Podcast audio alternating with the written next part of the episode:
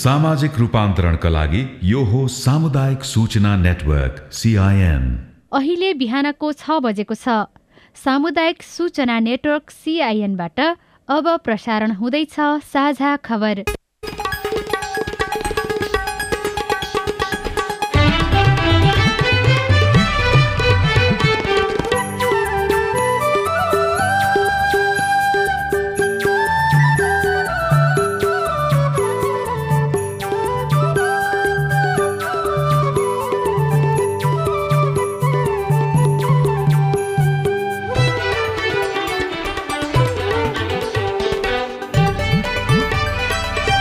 शुभ प्रभात। यो सिआइएनको साझा खबर हो। स्नेहा कर्णसँगै राजन रुचालको तपाईँलाई स्वागत छ।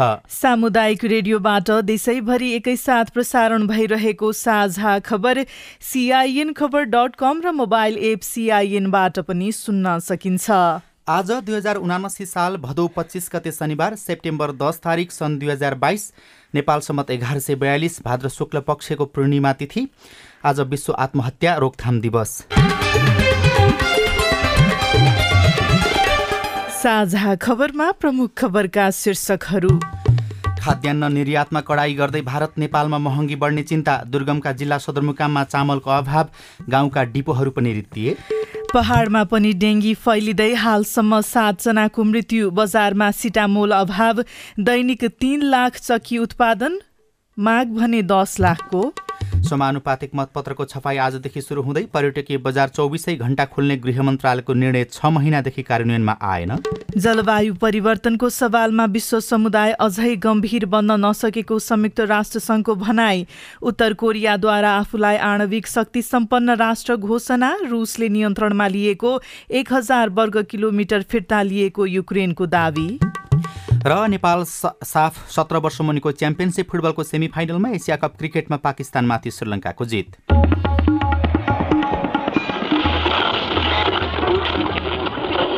सयौं रेडियो। हजारौं रेडियो कर्मी र करोडौं नेपालीको माझमा यो हो सामुदायिक सूचना नेटवर्क सिआइएन साझा खबरको सबैभन्दा सुरुमा भारतले खाद्यान्न निर्माणमा कडाई गर्दै आएको प्रसङ्ग। भारतले धान तथा चामल निर्यातमा कर लगाएर कनिका निर्यात बन्द गरेको छ। शुक्रबारदेखि लागू हुने गरी बासमती र उसिना बाहेकको चामल र धान निर्यातमा बीस प्रतिशत कर लगाएको छ। यसले नेपालमा महँगी बढ्ने व्यवसायीहरूले बताएका छन्। वीरगंज उद्योग वाणिज्य संघले हिजो आयोजना गरेको पत्रकार सम्मेलनमा व्यवसायीले उक्त निर्णय फिर्ता गराउन पहल गर्न नेपाल सरकारसँग माग गरेका छन्। यसअघि भारतबाट हुने चामल र धानको निर्यातमा कर शून्य रहेको भएको थियो। पश्चिम बंगाल उत्तर प्रदेश सहित केही राज्यमा वर्षाको कमीका कारण यो वर्ष धान उत्पादनमा सत्तरी प्रतिशतले कमी आएको बताइएको छ। त्यसबाट पर्ने असरको सामना गर्न धान र चामलको निर्यातमा कर लगाउने निर्णय गरेको हो। विश्वमा धान उत्पादनमा भारत चीन पछिको दोस्रो ठूलो मुलुक रहेको छ। भारतले चामल र धानको निर्यातमा एकैपटक बीस प्रतिशत कर लगाएपछि यसले नेपालमा खाद्यान्नको महँगी बढ्ने र चामल उत्पादन गर्ने उद्यमहरू बन्द हुने अवस्थामा पुग्ने भन्दै निजी क्षेत्रले विरोध जनाएका छन्।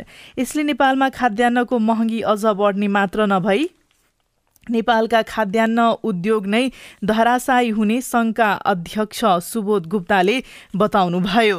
चामलको बाह्य बजारको भर पर्नुभन्दा अब आन्तरिक उत्पादनलाई बढाउनुको विकल्प नरहेको विज्ञहरूले बताएका छन्। सिआइएनसँग कुराकानी गर्दै अर्थविज्ञ डाक्टर चन्द्रमणि अधिकारीले अब खाद्यान्नको आन्तरिक उत्पादन बढाउन सरकारले जोड दिनुपर्ने बताउनुभयो। यसले के सिकाइदियो भने आफ्नो रक्षा आफैले गर्नुपर्छ। आफ्नो राष्ट्रिय स्वार्थ आफैले गर्नुपर्छ आफ्नो नागरिकलाई आफैले जोगाउनुपर्छ भन्ने सिकाएको छ। यसले चाहिँ हाम्रो आन्तरिक उत्पादन बढाउनु पर्छ र नेपाल जस्तो देशमा जहाँ सम्भाव्यता छ आफूलाई पुग्ने उत्पादन आफैले गर्न सकिन्छ भन्ने कुरा यसले पाठ पनि पढाएको छ है। त्यस कारणले गर्दा यसले भविष्यलाई यसबाट पाठ सिक्ने हो भने चाहिँ नेपालले राम्रो चाहिँ नि मनभित्र राखेर अगाडि बढ्यो भने यसबाट फाइदा पनि छ। उद्योग वाणिज्य तथा आपूर्ति मन्त्रालय सम्हालेको पाँच महिनामा गरिएका कामबारे जानकारी दिन बिहिबार काठमाडौँमा आयोजित पत्रकार सम्मेलनमा मन्त्री दिलेन्द्र प्रसाद बडुले दुर्गममा साबिकको भन्दा खाद्यान्न ढुवानी बढाइएको बताउनुभयो। खाद्यान्न आपूर्ति सहज बनाउन ढुवानी अनुदानलाई निरन्तरता दिइएको उहाँको भनाइ छ खाद्यान्न खाद्य सुरक्षा सुनिश्चित गर्न ढुवानी अनुदानलाई निरन्तरता दिएका छौँ। दुर्गममा थप स्थानमा डिपो र भण्डारण क्षमता बढाइएको छ। मन्त्री बडुले भन्नुभयो खाद्य सुरक्षालाई सुनिश्चित गर्न साबिकको सोह्र हजार चार सय टनलाई बढाएर अठार हजार पुर्याइएको छ। मन्त्री बडुले खाद्यान्न आपूर्ति सहज बनाउन अनुदान र कोटा बढाइएको बताइरहँदा चाडबाडकै बेला दुर्गम जिल्लावासीलाई खाद्यान्न जोहो गर्न भने निकै चिन्ता देखिएको छ। दुर्गम क्षेत्रमा मुख्यत खाद्य व्यवस्था तथा व्यापार कम्पनीले ढुवानी गर्दै आएको छ। ढुवानीकै लागि सरकारले वार्षिक चौवालिस करोड रुपियाँ अनुदान दिने गरेको छ। तर खाद्य खाद्यले समयमै ढुवानी प्रक्रिया नगर्दा दुर्गम क्षेत्रका बासिन्दाले चाडबाडकै मुखमा अभाव भोग्नु परेको छ। घटस्थापना आउन अब दुई साता मात्रै बाँकी हुँदा दुर्गमका धेरैजसो खाद्य डिपोमा चामल छैन। सदरमुकाममा केही परिमाणमा चामल भए पनि डिपोहरू भने रित्तै देखिएका छन्। सबैभन्दा नाजुक अवस्था हुम्लामा छ। शाखा कार्यालय सदरमुकाममा केही परिमाणमा चामल भए पनि दुईवटा डिपो र पाँचवटा बिक्री केन्द्रमा चामल छैन। हुम्लाका शाखाका एकजना कर्मचारीले भने साउनमा एकपटक मात्रै वितरण गर्यौँ त्यसपछि चामल नै छैन। चाडबाडका लागि केन्द्रसँग मागे पनि सुनवाई नभएको उहाँले भन्नुभएको छ। हुम्ला शाखा कार्यालयका प्रमुख कृष्ण अधिकारीको भनाइ पनि उस्तै छ। सदरमुकाममा करिब सोह्र सय क्विन्टल चामल मौजात रहेको उहाँले बताउनु भएको छ। त्यो चामल तीनवटा गाउँपालिकाको हो। सर्केगाड देउसी श्रीनगर छप्रेला तन्चु वालकुना र खारपुनाथ याङचु बिक्री केन्द्रमा चामल नभएको अधिकारीले बताउनु भएको छ। सदरमुकाम बाहेक अन्यत्र सबै डिपो र बिक्री केन्द्र खाली छन् चामल छैन।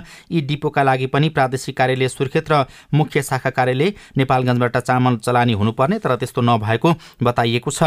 कालीकोटमा पनि चामलको अभाव नै रहेको जानकारहरू बताउँछन् बताउँछन् सदरमुकाममा सात सय क्विन्टल चामल रहेको कालीकोट शाखा कार्यालयका प्रमुख कमलराज पाण्डेले बताउनु भएको छ। तर डिपोहरूमा पर्याप्त चामल छैन। यस क्षेत्रमा चारवटा डिपो र एउटा शाखा कार्यालय छ। चाडबाडका लागि करिब चार हजार क्विन्टल चामल चाहिन्छ।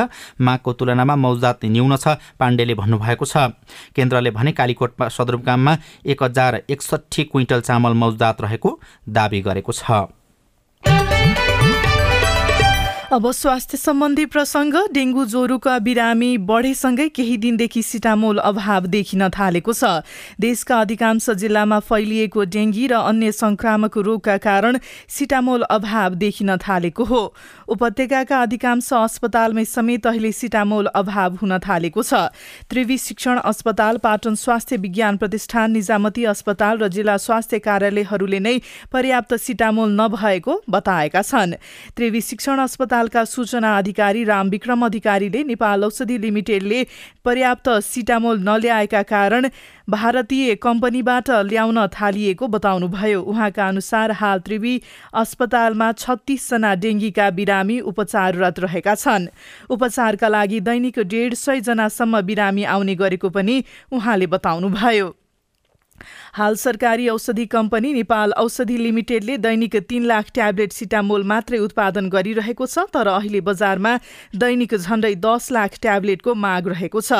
निजी र सरकारी अस्पतालको मागलाई धान्न मुस्किल परेको लिमिटेडका प्रमुख दीपक तण्डुकारले जानकारी दिनुभयो। उहाँका अनुसार दैनिक तीन लाख बिस हजार मात्रै सिटामोल उत्पादन हुन्छ तर अहिले डेङ्गी तथा भाइरस इन्फेक्सन जन्य रोगका कारण सिटामोलको माग बढ्दो रहेको छ जसका कारण अस्पतालहरूमा समेत औषधिको अभाव देखिनु स्वाभाविक रहेको उहाँको भनाइ छ। यसअघि तराईका जिल्लामा मात्रै धेरै फैलिने डेङ्गी संक्रमण पछिल्लो समय पहाडसम्म पुगेको छ।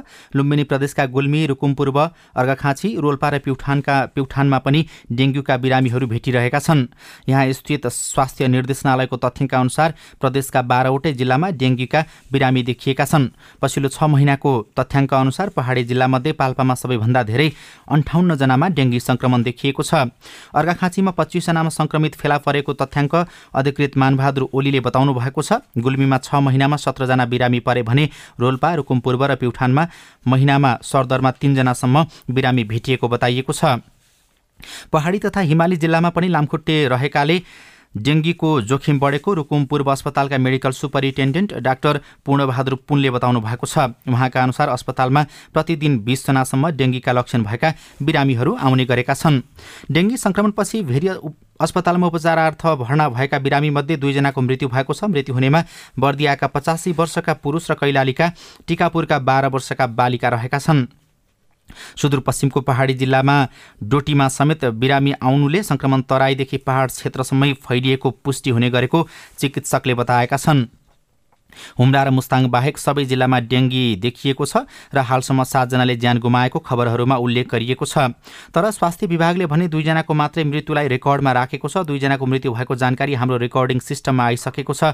थप मृत्युबारे अध्यावधि गर्दैछौँ। स्वास्थ्य सेवा विभागका इपिडिमियोलोजी तथा रोग नियन्त्रण महाशाखाका निर्देशक डाक्टर सुमनलाल दासले भन्नुभएको छ। स्वास्थ्य मन्त्रालयका प्रवक्ता डाक्टर सञ्जय कुमार ठाकुरका अनुसार कैलाली र ललितपुरमा एक एकजनाको मृत्यु भएको पुष्टि भएको छ तर सरकारले भने सातजनाको मृत्यु भएको विषयमा अनभिज्ञता जनाएको छ।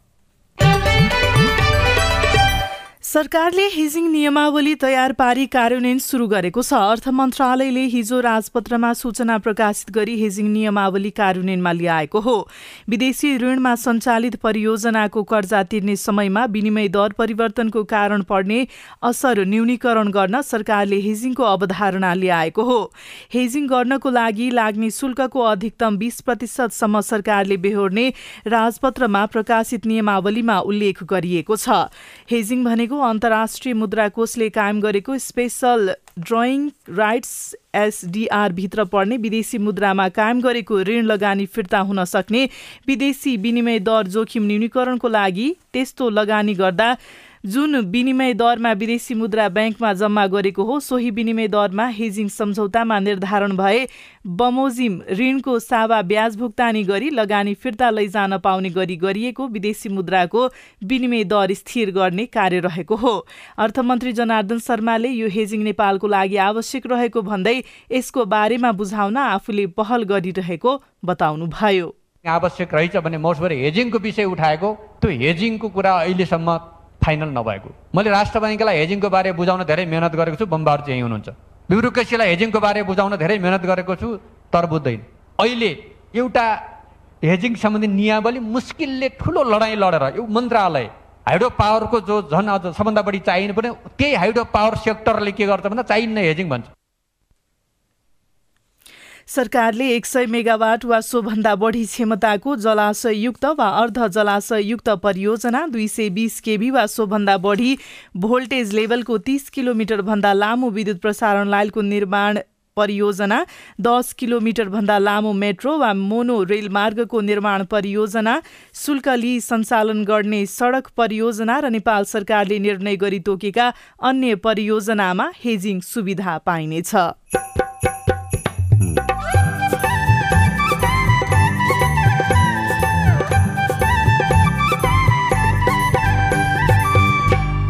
सामुदायिक सूचना नेटवर्क सिआइएन मार्फत देशभरि प्रसारण भइरहेको साझा खबरमा स्थानीय तहमा कृषि उपज केन्द्रको आवश्यकता। भने बेलामा बिक्री गर्न सकिँदैन अनि कोही बोलाउनु पर्छ बोलाएर आउँदा पनि उनीहरूको रेटमा चाहिँ दिनुपर्ने त्यसभन्दा चाहिँ हामीलाई घाटा हुने। केही समय भयो नि होइन?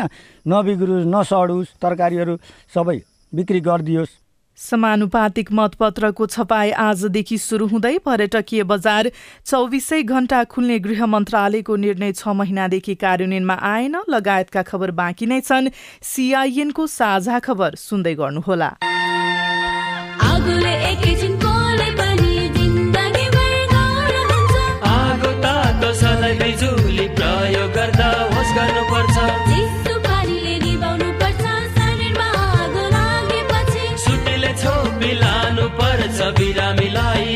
पानी हो हुन्न भान्सामा खेल्नु तातो र बल्ने सामान हुन्छ होस गरी चलाऊ स्टोभ र ग्यास भुइँमा पकाए दुर्घटना बढ्छ।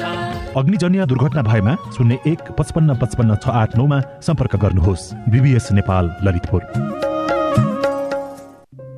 मम्मी खाजा। मम्मी मेरो होमवर्क गर्ने कापी। बुहारी एकदम खुट्टा दुख्यो। बुहारी चिया खान मन लागेको थियो। बुढी कपडा मैलो भएछ। अरे मेरो परिवार। भर्खरै सुनेको संवाद तपाईँलाई कस्तो लाग्यो? यही संवादलाई फेरि एकपटक यसरी सुनौ न है। मम्मी खाजा आज म बनाउँछु। मिठो बनाउँछु है। मम्मी मेरो होमवर्क गर्ने कापी मैले खोजिसके। अब म होमवर्क गर्छु। बुहारी एकदम खुट्टा दुख्यो। छोराले तेल तताएर लगाइदिएपछि अलि आराम भयो। बुहारी चिया खान मन लागेको थियो। सबैको लागि बनाएको छु। आऊ सबैजना खान। बुढी कपडा मैलो भएछ। घर नि कस्तो फोहोर। कपडा धोएर भ्याए। अब घर सफा गर्छु। कोरोनाको महामारीबाट बस्न पनि त सरसफाइ जरुरी छ नि। आहा मेरो परिवार। तपाईँलाई दोस्रो संवाद कस्तो लाग्यो? पक्कै राम्रो लाग्यो। हो तपाईँ हामी बीच जिम्मेवारी बोध भयो भने एक अर्का बीचको निकटतालाई अझ राम्रो बनाउन सकिन्छ। बाढी चोडी जिम्मेवारी परिवारमा समझदारी।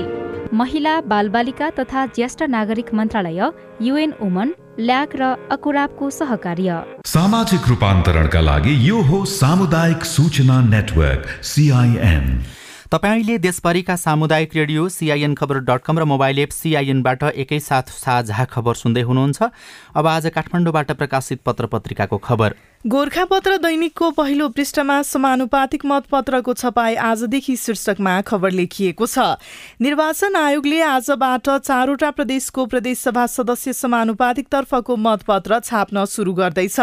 आयोगका अनुसार प्रदेश एक मधेस बागमती र गण्डकी प्रदेशसभाको समानुपातिक तर्फका मतपत्र छाप्ने भएको छ भने बाँकी लुम्बिनी कर्णाली र सुदूरपश्चिम प्रदेशको मतपत्र पछिल्लो चरणमा छाप्ने योजना आयोगले बनाएको छ। चारवटा प्रदेशका लागि करिब एक करोड एकतिस लाख मतपत्र छाप्ने आयोगले बताएको छ। आयोगले भक्तपुर स्थित जनक शिक्षा सामग्री केन्द्रको छापाखानामा मतपत्र छाप्दै आएको छ। निर्वाचन आयोगका प्रवक्ता शालिग्राम शर्मा पौडेलले प्रतिनिधि सभा र प्रदेशसभा सदस्यको समानुपातिक तर्फको नमुना मतपत्र छपाई सकिए लगतै प्रदेशसभा सदस्यको समानुपातिक तर्फको मतपत्र छपाई सुरु हुने जानकारी दिनुभयो। तीन सय चौसठी जनालाई अनुमति शीर्षकमा अर्को खबर लेखिएको छ। यस वर्षको शरद ऋतुमा विभिन्न सातवटा हिमाल आरोहणका लागि पचास मुलुकका तीन सय चौसठी जनाले अनुमति लिएका छन्। पर्यटन विभागका अनुसार भदौ आठ गतेदेखि हिमाल आरोहण खुला गरिएको हो। शरद ऋतुका लागि हालसम्म सगरमाथा धवलागिरी हिमलुङ मनास्लु नुप्से कुम्भकर्ण र सरिबुङका लागि आरोहण अनुमति जारी गरिएको हो। विभागको तथ्याङ्क अनुसार बुधबारसम्म छत्तीस समूहका आरोहीले अनुमति पाएका छन्। त्यस्तै नयाँ पत्रिका दैनिकमा पर्यटकीय बजार चौबिसै घण्टा खुल्ला रहने कहिलेदेखि भनेर प्रश्नवाचक चिन्हसहितको खबर छापिएको छ। पर्यटकीय क्षेत्र चौबिसै घण्टा खोल्न दिने गृह मन्त्रालयको निर्णय छ महिनासम्म कार्यान्वयन हुन सकेको छैन। प्रमुख जिल्ला अधिकारीहरूले गृहको निर्णय कार्यान्वयनमा चासो नदिँदा पर्यटकीय क्षेत्र समसाझै सुनसान बन्ने गरेका छन्। यस सम्बन्धी अध्ययन कार्यदलको सिफारिसका आधारमा गत वर्ष छब्बिस फागुनमा गृह मन्त्रालयले देशका मुख्य बजार चौबिसै घण्टा खोल्न दिने निर्णय गरेको थियो। मापदण्ड बनाएर निर्णय कार्यान्वयन गर्ने जिम्मेवारी गृह मन्त्रालयले प्रमुख जिल्ला अधिकारीलाई दिएको थियो तर कुनै पनि जिल्लामा यस सम्बन्धी निर्णय कार्यान्वयन भएको छैन। गृह मन्त्रालयका सहसचिव फणिन्द्रमणि पोखरेलले पोखरेल नेतृत्वको कार्यदलले मुख्य बजारमा चौबिसै घण्टा खुलाउन सिफारिस गरेको थियो। सोही आधारमा मन्त्रालयले यस्तो निर्णय गरी सुरक्षा प्रदान गर्न प्रहरीलाई पत्रचार गरेको थियो। निर्णय कार्यान्वयनमा ढिलाइ भइरहेकोमा गृह मन्त्रालयमा अधिकारीहरू पनि सन्तुष्ट देखिएका छैनन्। प्रमुख जिल्ला अधिकारीहरूले पहल कदमी लिन नसक्दा निर्णय कार्यान्वयन हुन नसकेको मन्त्रालयका प्रवक्ता सहसचिव पोखरेलले बताउनु भएको छ। देशको राजधानी काठमाडौँमा पनि बजारहरू त छिट्टै बन्द गराइन्छन् नै। बेलुका भएपछि सार्वजनिक यातायातका सवारी साधन समेत पाउन मुस्किल पर्छ। बेलुका नौ बजेपछि सवारी साधनमा इन्धन सकिए पेट्रोल पम्प पनि भेटिँदैन नयाँ पत्रिका दैनिकको खबरमा भनिएको छ। त्यस्तै नयाँ पत्रिका दैनिककै पहिलो पृष्ठमा कुचो अचार कपालदेखि टाँकसम्म निर्यात गर्छ नेपाल शीर्षकमा खबर छापिएको छ। आर्थिक वर्ष अठहत्तर उनासीमा नेपालले एकहत्तर करोड उनानब्बे लाख रुपैयाँ बराबरको कुचो निर्यात गरेको छ। मुख्य गरी अमृतसरको कुचो निर्यात हुने गरेको नेपाल कुचो सङ्घका अध्यक्ष राजकुमार कार्कीले बताउनु भएको छ। यस्तै बाँस नरिवलको सिन्का लगायतको कुचो पनि निर्यात हुन्छ तर यसको परिमाण भने थोरै रहेको छ। कुचोको मुख्य बजार भारत हो। नेपाल कुचोमा आत्मनिर्भर भएर निर्यात गर्न सक्ने भएको कार्कीको भनाइरहेको छ। त्यस्तै भन्सार विभागका अनुसार गएको आर्थिक वर्षमा नेपालबाट उन्तिस लाखको टाँक निर्यात भएको छ। नेपालबाट थोरै परिमाणमा निर्यात हुने टाँकको गन्तव्य भने धेरै देश छन्। भन्सार विभागका अनुसार गत आर्थिक वर्षमा भारत अमेरिका चीन जर्मनी नेदरल्यान्ड र हङकङमा टाँक निर्यात भएको छ। गत आर्थिक वर्षमा चौसठी करोड अस्सी लाख रुपैयाँ बराबरको हस्तकलाका सामग्री पनि निर्यात भएका छन्। हिमाली क्षेत्रमा पाइने लोक्ताबाट नेपाली कागज हाते कागज उत्पादन गरिन्छ। लघु तथा घरेलु र साना उद्योगबाट उत्पादित यस्तो कागज गत आर्थिक वर्षमा बाहन्न करोड बहत्तर लाखको निर्यात भएको भन्सार विभागको तथ्याङ्क छ। त्यस्तै गएको आर्थिक वर्षमा नेपालबाट तीन करोड छयासी लाखको अचार र छ करोडको सस पनि निर्यात भएको छ अनि सैलुन तथा ब्युटी पार्लरमा काटिएका कपाल सङ्कलन गरेर पनि निर्यात हुने गरेको छ। त्यस्तै भन्सार विभागको तथ्याङ्क अनुसार दारी काट्ने रेजर र माछा मार्ने बल्छी पनि नेपालले निर्यात गर्ने गरेको छ। घरेलु उत्पादनको निर्यात परिमाण थोरै भए पनि महत्त्व धेरै छ। स्थानीय स्तरमा रोजगारीसँगै उद्यमशीलताको पनि विकास भइरहेको छ। अन्नपूर्ण पोस्ट दैनिकको पहिलो पृष्ठमा पाइपलाइनले बचायो पाँच अर्ब शीर्षकमा खबर लेखिएको छ। आयल निगमले पाइपलाइनबाट झण्डै उनातिस लाख किलो लिटर डिजेल आयात भएको छ। दुई हजार छयत्तरदेखि सुरु भएको परियोजनाबाट हालसम्म अठाइस लाख बयानब्बे हजार चार सय उनातिस किलो लिटर डिजेल आयात भएको हो। ट्याङ्कर मार्फत हुँदै आएको आयातलाई पाइपलाइनले विस्थापन गर्दा पाँच अर्ब रुपैयाँ बचत भएको छ। अम्लेखगञ्ज डिपो नेपालकै सबैभन्दा ठूलो इन्धन भण्डारण हो। दुई हजार तेत्तिस सालमा निर्माण भएको सो डिपो सडसठी हजार सात सय चौबिस वर्ग मिटरमा फैलिएको छ। साझा खबरमा अब हेलो सिआइएन उषा तामाङबाट। हजुर नमस्ते म चाहिँ ठाकुर प्रसाद लामी छरेँ नागरिकता पासपोर्ट लाइसेन्स सबै मेरो चाहिँ पर्सबाट ट्याक्सीमा जाँदाखेरि चाहिँ पर्सबाट चाहिँ हरायो हेर्न सकिनँ दुई तिन वर्ष भइसक्यो के घर चाहिँ हजुरहरूसँग चाहिँ एउटा सानो सहयोग मागौँ भनेर धन्यवाद। जवाफ दिँदै हुनुहुन्छ महोत्तरीका प्रमुख जिल्लाधिकारी वासुदेव दाहाल। पहिले ओडामा जानु पर्यो अनुसूची भराउनु पर्यो सिफारिस गराउनु पर्यो अनि लिएर कार्यालयमा आउनु पर्यो प्रक्रियामा जानु पर्यो यहाँ अभिलेख खोज्नु पर्यो होइन? अब आफ्नो पहिलेको नागरिकता पाएको नागरिकताको केही प्रमाण भयो भने अभिलेख खोज्न सजिलो हुन्छ नभएदेखि अभिलेख भेट्टाउँदैन नम्बर भएदेखि केही भएदेखि अब पासपोर्टको पनि केही न केहीको त हुन्छ नागरिकता नम्बर भएको डकुमेन्ट लिएर आउनु पर्यो। हाम्रो फेसबुकमा अछामबाट एउटा जानकारी प्राप्त भएको छ। अछामको कमल बजार नगरपालिकाले स्वयंसेवक शिक्षक तथा बाल विकास सहजकर्तालाई करार नवीकरण नगर्ने निर्णय गरेपछि शिक्षक तथा कर्मचारी आन्दोलित भइरहेका छन्। यसले पठन पाठनमा समस्या देखिएको छ। यस विषयमा हामीले नगर प्रमुख यज्ञप्रसाद ढकालसँग बुझेका छौं। मेरो अनुपस्थितिमा हाम्रो उपमेयरको अध्यक्षतामा मिटिङ बसेर म्याद थप नगर्ने निर्णय भएको रहेछ। त्यो निर्णय सार्वजनिक भएपछि स्वयंसेवक शिक्षक र कर्मचारीहरू आन्दोलित छन् र उहाँहरूले अहिले कमलगर नगरपालिकामा ताला लगाउनु भएको छ। सामुदायिक विद्यालयहरूमा पनि अहिले ताला लगाउनु भएको छ उपमेयर र अरू तिनजना वडाध्यक्षसँग बसेर मिटिङ गरेँ। दिनभरि हामीले छलफल गऱ्यौँ। करिब करिब हामी सहमति नजिक छौँ। हामी जनताबाट निर्वाचित भएका पदाधिकारीहरूले यस्ता विवादास्पद कामहरू गर्नु हुँदैन नगरपालिकाको निमित्त प्रमुख प्रशासकीय अधिकृत हुनुहुन्छ। उहाँलाई नै हामीले जिम्मा छोडिदिनुपर्छ। मौखिक सहमति भएको छ र अब हामी आइतबार मिटिङ गर्ने र अनि मिटिङबाट हामी निष्कर्षमा पुग्ने कार्यपालिकाबाट मिटिङ गरेर विवाद समाधान गर्ने पक्षमा छ हजुर। अनि भदौ बाइस गते बुधबार बिहानको साझा खबरमा क वर्गको अपाङ्गता परिचय पत्र नपाएको दृष्टिविहीनहरूको गुनासो सम्बन्धी रेडियो रिपोर्ट सुनेपछि एकजना श्रोता भन्नुहुन्छ। बर्दिवास नगरपालिकाबाट मिलन तामाङ अपाङ्ग सम्बन्धीको रिपोर्ट सुनेर मलाई साह्रै खुसी लाग्यो। त्यसको लागि धेरै धेरै धन्यवाद। दृष्टिहीनहरू लगायत अपाङ्गहरूको समाचारहरू धेरैभन्दा धेरै बजाउनु पर्यो। बेला बेलामा सम्बन्धित ठाउँमा सम्बन्धित निकायलाई झकझकाइदिनु पर्यो भन्न चाहन्छु। हवस् त धन्यवाद। तपाईँ जुनसुकै बेला हाम्रो आइभीआर नम्बर शून्य एक बाहन्न साठी छ चार छमा फोन गरेर आफ्नो प्रश्न जिज्ञासा गुनासा अनि समस्या रेकर्ड गर्न सक्नुहुनेछ। साझा खबरमा अब विदेशका खबर। संयुक्त राष्ट्र संघका महासचिव एन्टेनियो गुटेरसले जलवायु परिवर्तनका सवालमा विश्व समुदाय अझै गम्भीर बन्न नसकेको बताउनु भएको छ। बाढीबाट प्रभावित भएको पाकिस्तानको भ्रमणपछि महासचिव गुटेरसले जलवायु परिवर्तनमा विश्वव्यापी ध्यान पुग्न नसकेको भन्दै चिन्ता व्यक्त गर्नुभयो। पाकिस्तानमा लगातारको वर्षापछि आएको बाढीले एक तिहाई भूभाग डुबानमा परेको छ। उहाँले पाकिस्तानमा भएको क्षतिको प्रमुख कारक जलवायु परिवर्तनलाई नै मान्नुपर्ने बताउनुभयो। उत्तर कोरियाले आफूलाई आणविक शक्ति सम्पन्न राष्ट्र घोषणा गरेको छ। त्यहाँको सर्वोच्च जनसभाले आणविक शक्तिका सम्बन्धमा बनेको राज्यको नीति सम्बन्धी कानून पारित गर्दै आफूलाई आणविक हिसाबले शक्ति सम्पन्न राष्ट्र घोषणा गरेको हो र युद्धका क्रममा रुसले नियन्त्रणमा लिएको आफ्नो एक हजार वर्ग किलोमिटर जमिन फिर्ता लिएको युक्रेनले दावी गरेको छ। राष्ट्रपति भोलोदोमिर जेलेन्स्कीले रुसी नियन्त्रणमा पुगेका खार्किब क्षेत्रका तीस भन्दा बढी बस्ती युक्रेनले फिर्ता लिएको बताउनुभयो। रुसले युक्रेनमाथि आक्रमण गर्ने क्रममा सबैभन्दा पहिले खार्किब क्षेत्र नियन्त्रणमा लिएको थियो। साझा खबरमा अब खेल खबर। सत्र वर्ष मुनिको साफ च्याम्पियनसिप फुटबलमा नेपालले भारतलाई हराएको छ। श्रीलङ्का स्थित रेस कोर्स मैदानमा हिजो भएको खेलमा नेपालले भारतलाई तीन एक गोल अन्तरले पराजित गरेको हो। जितसँगै नेपाल समूह बीको विजेता बन्दै सेमी फाइनलमा प्रवेश गरेको छ।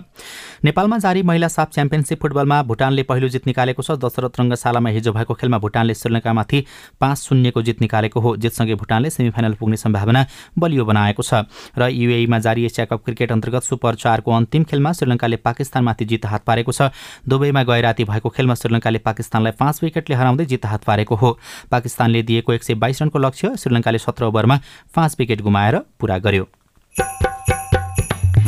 स्थानीय स्तरमा कृषि उपज केन्द्र नहुँदा किसानको मेहनत खेर गयो। रेडियो रिपोर्ट स्वस्थ जीवनशैली सम्बन्धी सन्देश अरू खबर र कार्टुन पनि बाँकी नै छ। सिआइएनको साझा खबर सुन्दै गर्नुहोला। सबैको मुहारमा खुसी छाउने भयो। किनकि सस्तो वा राम्रो इन्टरनेटको सुविधा लिएर डिस होम फाइबर नेट आयो हजुर दस एमबिपिएसदेखि सय एमबिपिएस स्पिडसम्मको आकर्षक प्याकेजहरू लिएर डिस होम फाइबर नेट तपाईँ हाम्रो माझ आएको छ। आउनुहोस् अब सुपर फास्ट इन्टरनेटको मजा लिनुहोस्। सेवा तथा सुविधाको लागि आजै नजिकको डिस होम डिलर दाई अथवा अन्ठानब्बे शून्य पन्ध्र चौवालिस शून्य शून्य शून्यमा सम्पर्क गर्नुहोस्। डिस होम फाइबर नेट जोड्दै सारा देशलाई। नेपाल टेलिकमको सूचनाको संसार। होइन के सुनेको यस्तो ध्यान दिएर दोहोरो बोलेको जस्तो नि देख्दिन। तिन दुई एक शून्य शून्य क्या? तिन दुई एक शून्य शून्य? के हो त्यो भने? बुझिन त। ल सुन एनटिसी प्रयोगकर्ताहरूले आफ्नो मोबाइल तथा ल्यान्डलाइनमा तिन दुई एक शून्य शून्य डायल समाचार रेडियो कार्यक्रम खेल र अन्य विषयबारे सन्देशहरू जुनसुकै बेला निशुल्क सुन्न सक्छन्। ओहो निशुल्क? कस्तो सजिलो। समाचार सुन्न छुट्यो भनेर पिर लागेको थियो। अब त म पनि सुनिहाल्छु। कति रे? तिन दुई एक शून्य शून्य। सामाजिक रूपान्तरणका लागि यो हो सामुदायिक सूचना नेटवर्क सिआइएन साझा खबरमा अब स्थानीय स्तरमा कृषि उपज केन्द्रको आवश्यकताको प्रसङ्ग। गत आर्थिक वर्षमा हरियो तरकारी आयातमा मात्रै नेपालबाट सत्र अर्ब भन्दा बढी बाहिरियो तर बजारको अभावमा किसानले उत्पादन गरेको तरकारी खेतमा नै कुहिने अवस्था रहेको छ। किसानलाई हुने बजार अभावको समस्या अन्त्य गर्न अब स्थानीय स्तरमा नै कृषि उपज सङ्कलन केन्द्र स्थापना हुने भएको छ। सिन्धुलीको दुधौली नगरपालिकाका विजय लामाले कमलामाई नगरपालिकामा पच्चिस कट्ठा जमिन भाडामा लिएर दुई वर्ष अघि कृषि फर्म सञ्चालन गर्नुभएको थियो। वैदेशिक रोजगारीबाट फर्किएपछि पच्चिस लाखको लगानीमा खोलिएको फर्म अहिले बजार अभावका कारण थलिएको छ। बजार व्यवस्थापनले नै गाह्रो भएर भने बेलामा बिक्री गर्न सकिँदैन अनि कोही बोलाउनु पर्छ बोलाएर आउँदा पनि उनीहरूको रेटमा चाहिँ दिनुपर्ने त्यस हुँदा चाहिँ हामीलाई घाटा हुने। त्यो भएर भनेको टाइममा चाहिँ सेल गर्न नसक्ने भएपछि हामीले त्यो चाहिँ अलिक छोड्यो। सल्यानका कुलराम रेवलेले गाउँको सत्तरी रोपनी जमिनमा तरकारी खेती गरिरहनु भएको छ। अहिले बारीमा काउली बन्दा गोलभेडा लगायतका तरकारी छन्। सल्यानका विभिन्न पालिकाबाट पच्चिस करोडको तरकारी निकासी हुने गरेको तथ्याङ्क छ तर बजार नजिक भएको र पहुँचवालाको तरकारी बिग्छ कुलरामले फलाएको हजारौंको तरकारी त्यसै खेर जाने गरेको छ। पहिलो कुरा अब राम्रोसँग किनिदिने मान्छे कुदाउने छ यहाँ व्यापारी होइन छ अनि त्यसपछि अर्को कुरा तपाईँको बोकेर अब साना साना स्थानीय बजारमा लग्न पर्छ सर अनि त्यसपछि त्यहाँबाट पनि राम्रो मूल्य नपाउने सर अब बजारमा लगिसकेपछि लगेको माल अब उनीहरूले भन्यामा ट्रेन आउनुपर्ने बाध्यता उधार दिइआउनु पर्ने सर। दुई हजार अडसट्ठी सालको कृषि गणना अनुसार देशका करिब अडतिस लाख घर परिवारको मुख्य पेसा कृषि हो। यही पेसालाई व्यावसायिक बनाउनेहरूको सङ्ख्या भने पच्चिस प्रतिशत मात्रै छ। पछिल्लो केही वर्ष यता वैदेशिक रोजगारीबाट फर्किएर कृषि कर्म गर्नेहरू बढिरहेका छन् जसमा युवाको सहभागिता उच्च छ तर उनीहरूलाई एउटै चिन्ता छ बजार व्यवस्थापनको। त्यही गाडीलाई अब ढुवानी दिँदाखेरि त्यही तरकारीको मूल्य त्यहीँ सकिन्छ। कोल्ड स्टोरको व्यवस्था गरिदिने हाम्रो टमाटर आलुहरू होइन प्याजहरू भयो यी तरकारीहरू केही समय भयो नि होइन नबिग्रोस् नसडोस् त्यसले व्यवस्था गरेर गाडीमा आफ्नो तरकारीहरू सबै बिक्री गरिदियोस्। एकमुष्ट एक गाडी बनाएर लैदियोस् हामी एकजनाको नभएर अरू अरू कृषकहरू गर्न चाहनेहरूको पनि उसले समेटेर होइन गर्ने भने यहाँ केही न केही अब गर्ने अरू उत्सुकहरूलाई पनि अझ राम्रो हुन्थ्यो किसानहरूको यही चिन्तालाई मध्यनजर गर्दै सरकारले स्थानीय तहमा नै खरिद तथा बिक्री केन्द्र बनाउने योजना ल्याएको छ जहाँ किसानले आफ्नो उत्पादन बेच्न पाउनेछन् भने व्यापारीले खरिद गर्न सक्नेछन्। स्थानीय स्तरमा खुल्ने कृषि उपज सङ्कलन केन्द्रमा सङ्घ सरकारको र स्थानीय सरकारको आधा आधा लगानी हुनेछ। कृषि विभागको पूर्वाधार शाखाका प्रमुख महेन्द्र पौडेल। कतिपय ठाउँमा चाहिँ सानो बजेट गएको हुन्छ फिफ्टी पर्सेन्ट आफैले लगानी गर्नुपर्ने अनि बजेट बनाउँदाखेरि हामीले यहाँबाट दिन्छौँ उहाँहरूको पनि त्यहाँ अब पालिकाको आफ्नो प्रक्रिया होला बजेट बनाउने त्यो बेलामा पास गर्नुपर्ने अब यो मिसम्याच भइराखेको जस्तो। कृषिमा युवाहरूको सहभागिता बढाउन र उनीहरूलाई प्रोत्साहन गर्न भन्दै सरकारले यस वर्ष पचपन्न अर्ब सन्तानब्बे करोड रकम विनियोजन गरेको छ तर यसमध्ये कति रकम कृषि उपज सङ्कलन केन्द्रका लागि छुट्याइन्छ खुलाइएको छैन। समय बजेट दुवै नखुलाइएकाले कहिलेसम्म स्थानीय स्तरमा नै यस्ता केन्द्र बनिसक्छन् भन्ने बारेमा भने स्पष्टता छैन। अविनाश आचार्य सिआइएन काठमाडौँ। रिपोर्टसँगै हामी साझा खबरको अन्त्यमा आइपुगेका छौँ। सामुदायिक रेडियो प्रसारक सङ्घद्वारा सञ्चालित सिआइएनको बिहान छ बजेको साझा खबर सक्नु अघि मुख्य मुख्य खबर फेरि एकपटक। खाद्यान्न निर्यातमा कडाई गर्दै भारत नेपालमा महँगी बढ्ने चिन्ता। दुर्गमका जिल्ला सदरमुकाममा चामल अभाव गाउँका डिपो रितिए। पहाडमा पनि डेङ्गी फैलिँदै हालसम्म सातजनाको मृत्यु बजारमा सिटामोलको अभाव दैनिक तीन लाख चक्की उत्पादन तर माग भने दस लाखको। समानुपातिक मतपत्रको छपाई आजदेखि सुरु हुँदै पर्यटकीय बजार चौबिसै घण्टा खुल्ने गृह मन्त्रालयको निर्णय छ महिनादेखि कार्यान्वयनमा आएन। जलवायु परिवर्तनको सवालमा विश्व समुदाय अझै गम्भीर बन्न नसकेको राष्ट्रसङ्घको भनाई उत्तर कोरियाद्वारा आफूलाई आणविक शक्ति सम्पन्न राष्ट्र घोषणा। र नेपाल साफ सत्र वर्ष मुनिको साफ च्याम्पियनसिप फुटबलको सेमिफाइनलमा प्रवेश। साझा खबरको अन्त्यमा कार्टुन लिएका छौँ थाहा खबर अनलाइनबाट अनुप गुरुङले बनाउनु भएको कार्टुन लिएका छौँ। यहाँ कार्टुनमा एकजना पार्टीका कार्यकर्ता जस्ता देखिने व्यक्ति छन् जो विद्यालयमा पुगेका छन् र विद्यार्थीहरूलाई झण्डा हातमा थमाउँदैछन्। हरेक चुनावमा बालबालिकाको प्रयोग बढ्ने गरेको छ। निर्वाचन आयोगले जति कडाई गरे पनि त्यो रोकिएको देखिँदैन। अब विद्यालयहरूमा पार्टीको प्रचार केन्द्रको रूपमा प्रयोग गरिनेछ। विद्यार्थीहरूलाई पनि कार्यक्रम स्थलमा नारा लगाउनको लागि र भाषण सुन्नको लागि उपयोग गरिनेछ। त्यही प्रवृत्तिको व्यङ्ग्य गर्न खोजिएको छ विरोध गर्न खोजिएको छ र माथि चाहिँ यस्तो लेखिएको छ। अबको क्लास भनेको चाहिँ यो झन्डा बोक्ने अनि त्यस पछाडि खुरु खुरु आमसभामा आउने। हवस् त प्राविधिक साथी सुभाष पन्तलाई धन्यवाद। अहिलेलाई राजन रुचाल र स्नेहा कर्ण विदा भयौँ। तपाईँको आजको दिन शुभ होस्। नमस्कार। यसपछि देशभरिका सामुदायिक रेडियोबाट कार्यक्रम सोधी खोजी प्रसारण हुनेछ। सुन्ने प्रयास गर्नुहोला।